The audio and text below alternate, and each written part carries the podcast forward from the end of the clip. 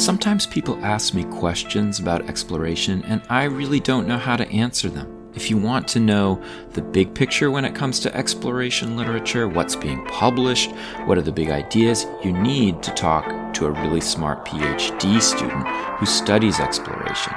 You need to talk to Sarah Pickman.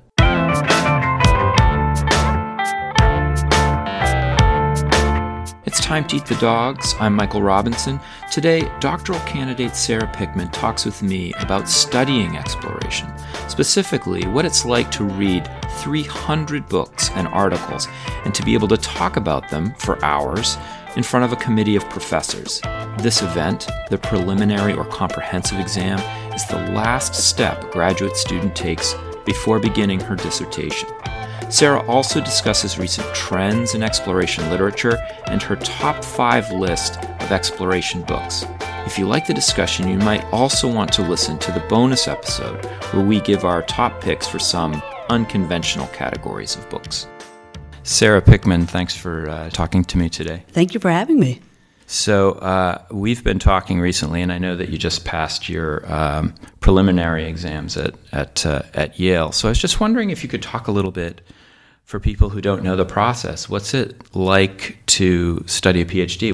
Well, um, there's several different schools of thought about it. Um, it's either like a a mountain that's just grueling and grueling to climb, but eventually you get to uh, the summit and um, you feel this great sense of accomplishment and you feel like you've conquered this mountain of knowledge. Um, or somebody once told me that they thought it was more like climbing up the mountain, but looking down the side and seeing all the people who'd fallen off along the way. So there's there's different exploration related metaphors that we can think about. Um, the the path is a little bit different at every um, in every program, um, and the U.S. programs are very different from the ones in the U.K. and, and overseas. My program started with two years of coursework where it would kind of prepares you for for doing a lot of the background reading and knowledge that you'll you'll need for your dissertation.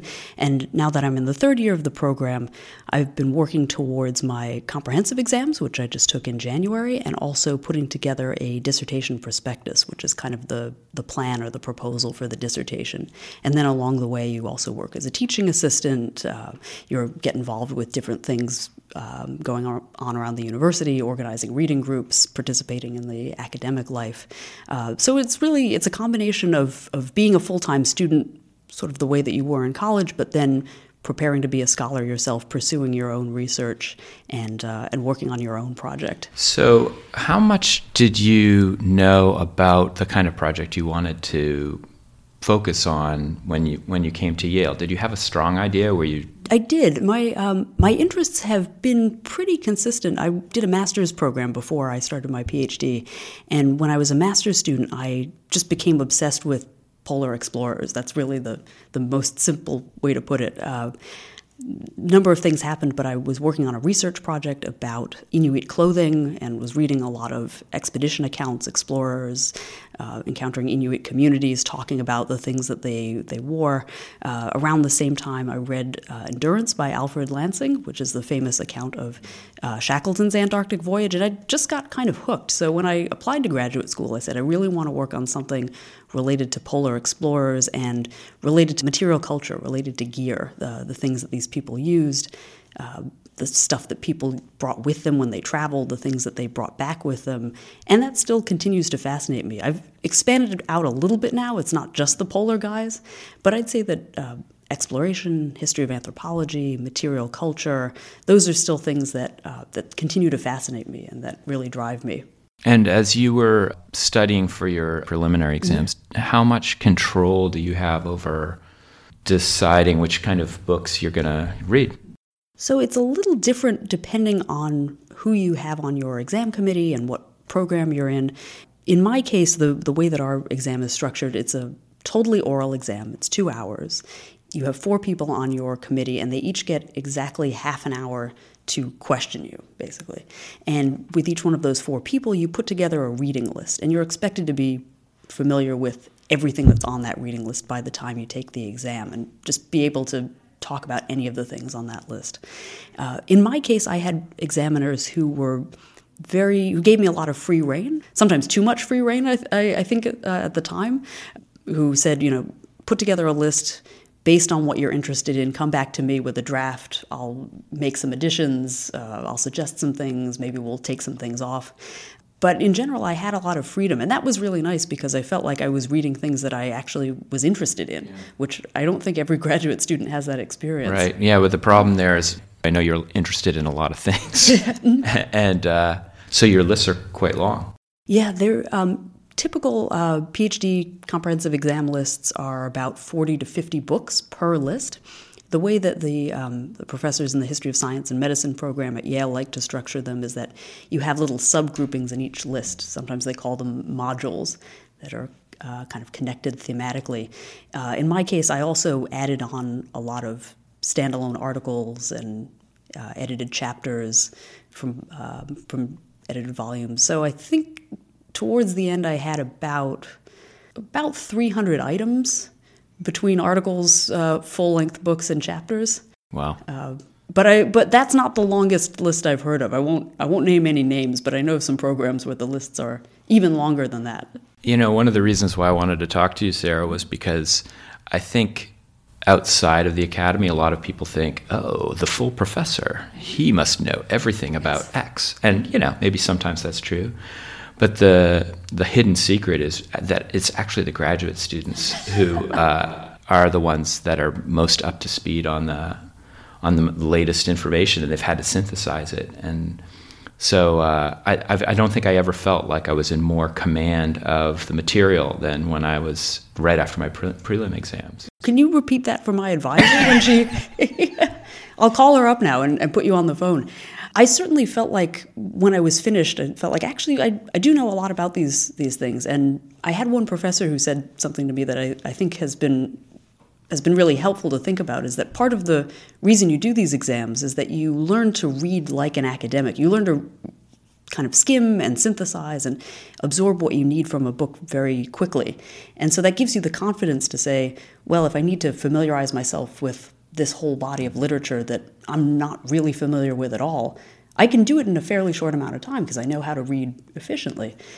And so right. that was kind of an encouraging way to think about that. In fact, you wrote a, actually, it's part of a series mm-hmm. of essays about taking your qualifying exams. And I will definitely put the link on the blog for anyone who's interested. But for those of you who are just listening, it's on the Global Maritime History website. And uh, in this, you actually uh, speculate about some of the motives for actually going through this, you know, rather arcane process of, of reading and distilling 300 texts uh, by different authorities. So, you know, could you take us through what, what are these? Sure, sure. So, um, when I first started asking around and talking to my colleagues in the program who'd already done the exam, and also talking to professors about what the purpose of the exam was, I got a lot of different answers, and some people will say, "Well, you do the you do this because it's background reading for your dissertation." And in my case, I think that certainly was the case. I know some people who feel like their lists don't really line up neatly with their dissertation topic. Um, I think there are some people who feel very strongly that it's preparation for teaching. So you should approach these lists as if they're a kind of syllabus and think about if you were going to teach this broad area to undergraduates how would you come up with a reading list that they would that you'd want to take books from to assign to them? And that's part of it as well. But i had one professor who said you know if you go on a job interview you'll go to a, a campus you'll be interviewing for an academic position and you're basically being interviewed the entire time you're there. It's not just the formal sit down one to one conversations. So somebody might come up to you in the hallway and say, Oh, I, I read that thing you wrote about this, but what about that other thing that somebody wrote on the same topic? And you'll be expected to come up with an answer very quickly about, Well, my work complements theirs in this way, but I really think I'm arguing against this other person. And being able to have that kind of fluency with, uh, with what else is out there in, in your discipline. And I found that. Uh, that was the most helpful way, at least for me, to think about the exams because that was the tone at which I was expected to answer the questions when I was in the actual exam, as if I was uh, kind of uh, being interviewed in that way, but talking in those sort of broad strokes about whole bodies of literature. I also liked you. You did speculate briefly on the idea that well, or or maybe it's just this kind of right. arcane hazing ritual that that we do to young people because we had to do it. Right. Right. I remember my preliminary exams were were pretty brutal. I enjoyed the reading a lot, and I remember meeting with my committee every couple of weeks. and uh, it was a it was a really great and fun process of doing all that reading and getting to know the, these various texts. But when I was actually in the room, I had one of uh, the people on my committee really kind of go at me because he thought I didn't answer the question. We had to do write ups and didn't think I answered the, the question that he had asked me. So it was just this real back and forth. And I remember leaving the, the room. I passed, but it was, I was like quite shell shocked by it. And uh, it made me kind of go into that place where I think a lot of graduate students go, which is like, God, am I really right for this job? I just felt at that time like I, I think I'm smart enough, but temperamentally, maybe I'm just like not up to snuff, you know? And uh, so I actually appreciated that point in your essay where you said that for some people it's a hazing ritual. But I, I wanted to ask you, uh, now that you're on the other side of it, uh, how did it go? What was it like? It, it went surprisingly well. Um, I think, like every graduate student, I was really, really nervous ahead of time. Uh, I was convinced that I was going to get some, I was going to get one question about one specific thing, and my mind would go really blank, and then that would just screw me up for the rest of the two hour period. It was it was definitely grueling, and I I think partly I was running on adrenaline, um, partly I was trying to just kind of stay on top of the questions and and not freak out and remind myself to calm down. But it it went okay, um, and I'm and I'm very glad to be on the other side. Uh, talking to friends afterwards, they said, "Yeah, after you do that, you feel like you know even the dissertation's not a big deal. You can do anything, anything after that." I'd like to actually move into some of the books that you that you were ta- and articles that you were mm-hmm. reading. But before we talk about, let's say, the the books that most influenced you, I was wondering if you noticed any kind of big picture things about the different texts, changes in exploration literature, maybe since I went through the process a while back. Uh, absolutely. I think that so I had one list that was about kind of Western ways of making knowledge about the rest of the world, um, kind of broadly conceived. So it included books about exploration, about field science, about uh, mapping, about the idea of the frontier in history. And I think you can definitely see this move around maybe around the year 2000 or so when exploration becomes a serious topic of interest for a lot of scholars. I think before that, you, not, you and I have talked about this this interesting thing that happens in exploration literature, where there's a lot of writing that's geared towards uh, mm-hmm. the public. This kind of popular literature that's a lot of biographies of explorers. But it seems that uh, around about 20 years ago, a lot of academics started to take an interest in this topic. I was thinking of books like uh, Geography Militant by Felix Driver mm-hmm. or uh, out of Our Minds by Johannes Fabian. And so there starts to be this interest in going back to, well, we kind of, maybe the, the thought process was we sort of dismissed these expeditions as, you know, the sort of imperial projects, the, these sort of great white men, in scare yeah. quotes, going out into the field. But maybe we can dig a little deeper and we can um, see, you know, what about the indigenous people that these explorers encountered? What were they doing? Um, how did they react to these people? How did they participate in expeditions and why did they participate in expeditions? Who were the people who were back at home who were holding these explorers up, who were supporting them, funding them? What were their goals and motivations? Uh, what you know what are what really are the connections between exploration and colonialism mm-hmm. uh, is exploration only something that happens uh, in what you know, out of western europe or um, settler colonies so i think that you there's definitely a movement to kind of probe some of those questions yeah. Do you feel so? I, I, remember very distinctly when I was um, studying for my prelim exams that so many of the books that I was reading, and this was that, mm-hmm. as you said, that first generation of academic books on exploration were really influenced by Edward Said, mm-hmm. uh, Orientalism, and Michel Foucault, mm-hmm. and this idea that we had to give voice to these other peoples, but also that. Um, that the people doing the exploring were part of a much bigger project, which they may or may not have actually understood. Right. And there was this kind of feeling like everything that they did funneled into this pursuit of empire, right. this dominant thing. And by the time I was finished with my exams, I was just so sick of hearing that. and I feel embarrassed almost to say that because I actually feel like it's an extremely important project, mm-hmm. but it just seems so so much that those stories overwhelmed the literature that I was reading at the time. And I was wondering, do you feel like there are particular threads that are showing up you know, across mm-hmm. literature or not. You right. use it all over the place. So I think that there's there was this question for me about I read a lot of the um, most recent scholarly literature on exploration, and I've read a lot of the popular stuff too, just because I, I happen to love it, and that was my entry into history of exploration in some ways. So I've been thinking about, you know, what are the what are people doing now that's different uh, than they were doing 15 or 20 years ago.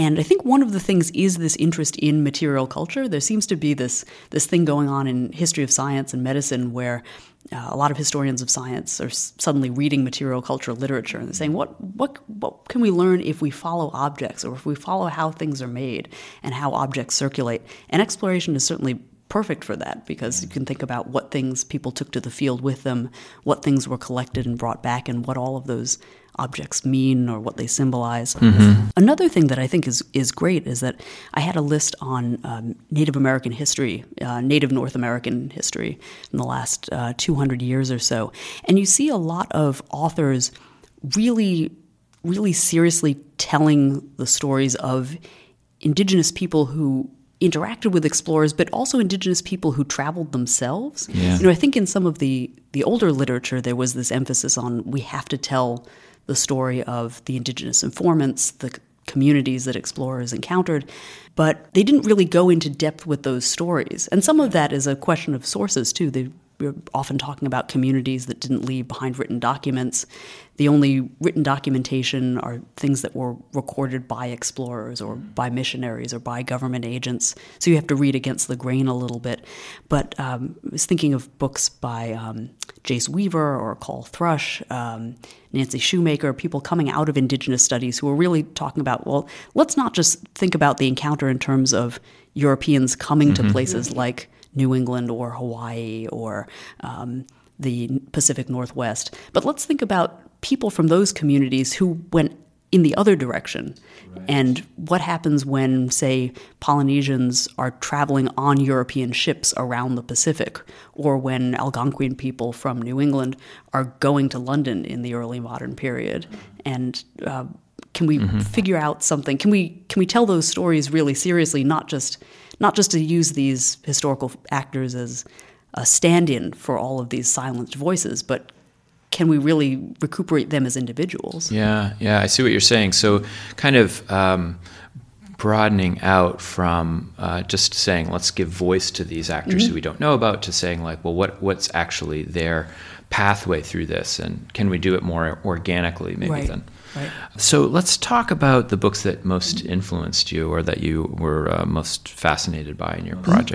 I know you've written some down. Can you talk about sure. them? Yeah. Um, so one of them was definitely um, Surekha Davies's book, um, Renaissance Ethnography and the Invention of the Human. And I know she was on the podcast a few uh, few months ago. That's right. Uh, which was great. I listened to that while I was um, while I was studying because it's like, well, if you know, if she mentions something that's re- going to be really key for me to understand this book, I'll, maybe I'll absorb it better if I'm listening to it than if I'm reading it.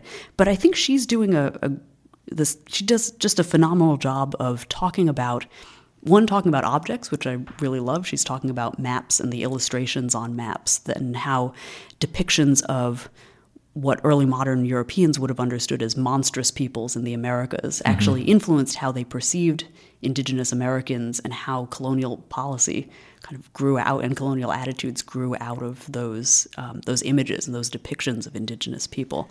And just you know is, is looking one she's looking at a uh, a source that's kind of been overlooked, which are these illustrations on maps. But she's really just, you know, reaching back from kind of 19th century ideas of anthropology all the way back to the 16th century, and it's just it just kind of blew my mind. Yeah, I, I mean, I think what I really appreciate about uh, Surekha's book was that she's not only, as you said, looking at those parts of the map that were generally kind of seen as filler, mm-hmm. but also saying these these different illustrations influenced audiences in Europe, and here's the evidence of that. And that for me mm-hmm. is like such a huge and daunting task. So I'm always I'm always very impressed with people doing what I see as kind of a version of popular culture stuff, but right, then right. saying this is how it actually goes and influences everybody. I thought she did a great job of that too. Right, right. And I think that you know we've we've talked a little bit about uh, again about this idea of the the popular public tension in mm-hmm. uh, history of exploration, and it's kind of interesting to see that not only does that show up in uh, how books are classified today, how recent scholarship is either there's the academic books talking to other historians of exploration, or you've got the popular biographies that kind of more of the History Channel history, if Yeah. you will. But then you also see that in some of the um, in some of the histories themselves, which is really interesting. Um, something like you know Davies again talking about how European audiences at the time would have interpreted these maps and images. Uh, you know, and so you've got that kind of public scholarly tension. Yeah. 500 years ago as Right. well, which is, is pretty interesting. Yeah, it is see. interesting. Um, so, what else is on your list? So um, another book that I just love um, was Dane Kennedy's *The Last Blank Spaces*, and I just love his his work. I, I kind of discovered his work when I was a master's student, and that was one of those light bulb moments where I said, "Oh, there there are people who study this full time. Maybe I can, maybe I, I really can apply to a PhD program and and say that I'm interested in this." But uh, I I think his book does a really it's it really digs into this question of what is a discovery because you know again he kind of goes beyond that that point of well it's not really a discovery if people were already living there um, we kind of know that but he's saying it's you know when in the case of, of africa especially the, the whole african continent and especially sub-saharan africa uh, it was not a discovery obviously to the African people who lived there, but it also wasn't a discovery to a lot of Europeans. That Europeans had already amassed a lot of knowledge about Africa uh, from classical sources, from uh, local African informants, indigenous informants, from Arab traders, uh, in some cases from very early missionaries or um, colonial agents, government agents, merchants. But uh, but that knowledge was kind of erased, uh, at least in the British case in the 19th century. The map was was made blank again, and there was this idea that well, because that information hadn't been collected scientifically by scientific explorers, uh, we've just got to redo all of that. We can't trust any of that knowledge, and I, I think it's Uh, he also does this this great thing we've talked about. You know, what is the book that you would give to a um, a skeptical relative Yeah. to explain what what it is you do uh, as a PhD student or as a scholar? And that to me is a book that I would give to someone and say, this this will tell you about who European explorers were, what the institutions they were affiliated with were doing, what the actual process in the field was like, how they came back and kind of made their careers based on the information they discovered, but then getting it out to the public, how this information became codified. He does a whole kind of spectrum of, you know, the exploration project from start to finish. Yeah, that's a actually that's a great choice of a book for that. I was uh, when we were talking about the uh, what's the best book to give to your skeptical relative. I, uh, I was thinking of Beau Riffenburgh's uh, Oh, yeah. Myth of the Explorer, which is a book from the early '90s, but I think it actually really holds up well. Uh, Riffenberg talks about. Uh, all of these great Victorian expeditions uh, that went to Africa and the polar regions, uh, kind of this overlapping, let's say, with what Dane Kennedy does uh, but really talks about the popular culture, the way that that was actually fueled by a kind of uh, an economy of newspapers and, and popular media. And that was, uh, as a graduate student, that was the first time I had ever seen anybody do that kind of work.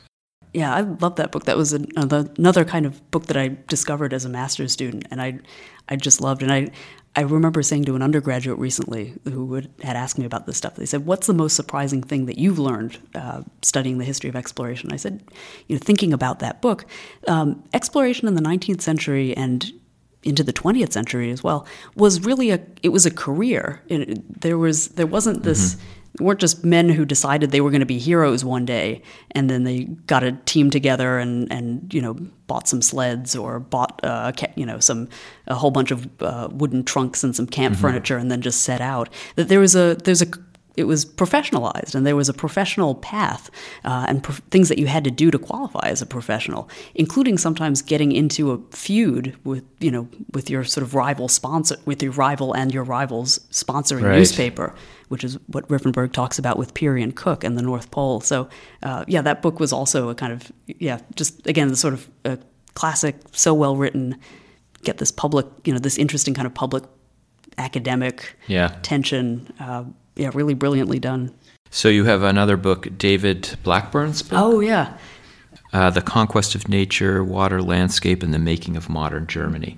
What, what did you like about that? So this is one of those books where you asked about how how the graduate students put the lists together for their exams. And I had a, a module on one of my lists about the idea of the frontier. And the professor that I was working with said, you know, you've only got stuff on here about the American frontier, and it will be interesting for you to think about is the frontier just a, an American category? Is it only relevant in the history of the United States? You should add this book specifically. You should mm. add Conquest of Nature. And at the time, if you had said to me, this is a book about water in Germany, I would have said, I, I, I don't know if I want to read that. That doesn't sound very interesting. But it really blew me away. I think Blackbourn, first of all, is a fantastic writer. Um, I would definitely, this is another book that I would, I would recommend to someone who wasn't in academia. Just, um, it's, it was great to read. But his book really draws on the idea of the internal frontier, and he talks about the history of the German nation's relationship with water in terms of big state sponsored um, hydro engineering projects. Mm-hmm. So Frederick the Great draining all of the swamps so that he had more land for his soldiers to march through, but also fewer places for his soldiers to desert and to hide. And what happened to the communities that lived in these marshy areas that were then displaced, um, or these big projects in the 19th century to straighten out the Rhine, which uh, on the one hand, got rid of the kind of seasonal flooding that used to happen in the areas around the Rhine uh, and used to destroy entire communities, but also did away with certain kinds of economic activities that used to happen there gold panning and um, fishing. And mm. then he goes into the 20th century and talks about Nazi Germany's interest in draining the Pripyat marshes in Poland as part of their um, as part of the, the kind of the takeover of Poland and trying to make this land more useful, mm-hmm. useful in, in, scare quotes, but also again kind of flush out this area where they suspected that partisans and Jews might be hiding.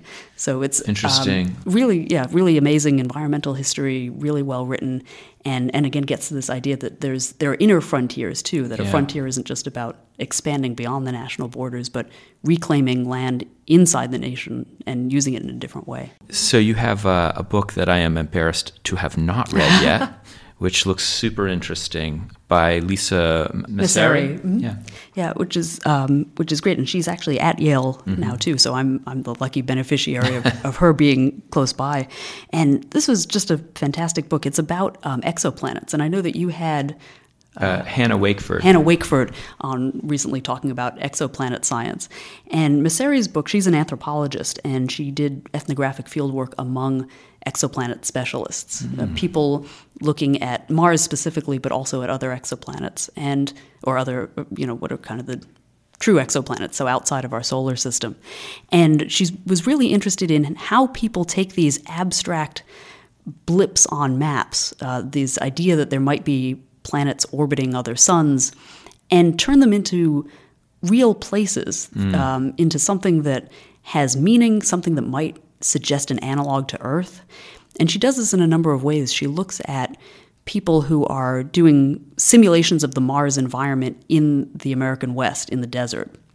I think she's looking at um, Nevada and New Mexico. So these environments on Earth that stand in for Mars and how people create those those kinds of analogs. And then she follows around scientists who are in charge of translating this really really abstracted data coming in from uh, satellites and mm-hmm. these these stars orbiting oh, sorry these planets orbiting other stars that really just come out as a string of numbers and letters on a page how do they take that data and then create a world out of it uh, yeah. you know, from from the kind of the abstracted data to a to a something that seems kind of Earth-like, or people whose um, whose specialty is looking at weather conditions mm-hmm. on exoplanets, even if they're weather conditions that human beings could never really survive in. They're too mm-hmm. hot or they're too acidic, or these are worlds that are just uh, covered in lava or something like that.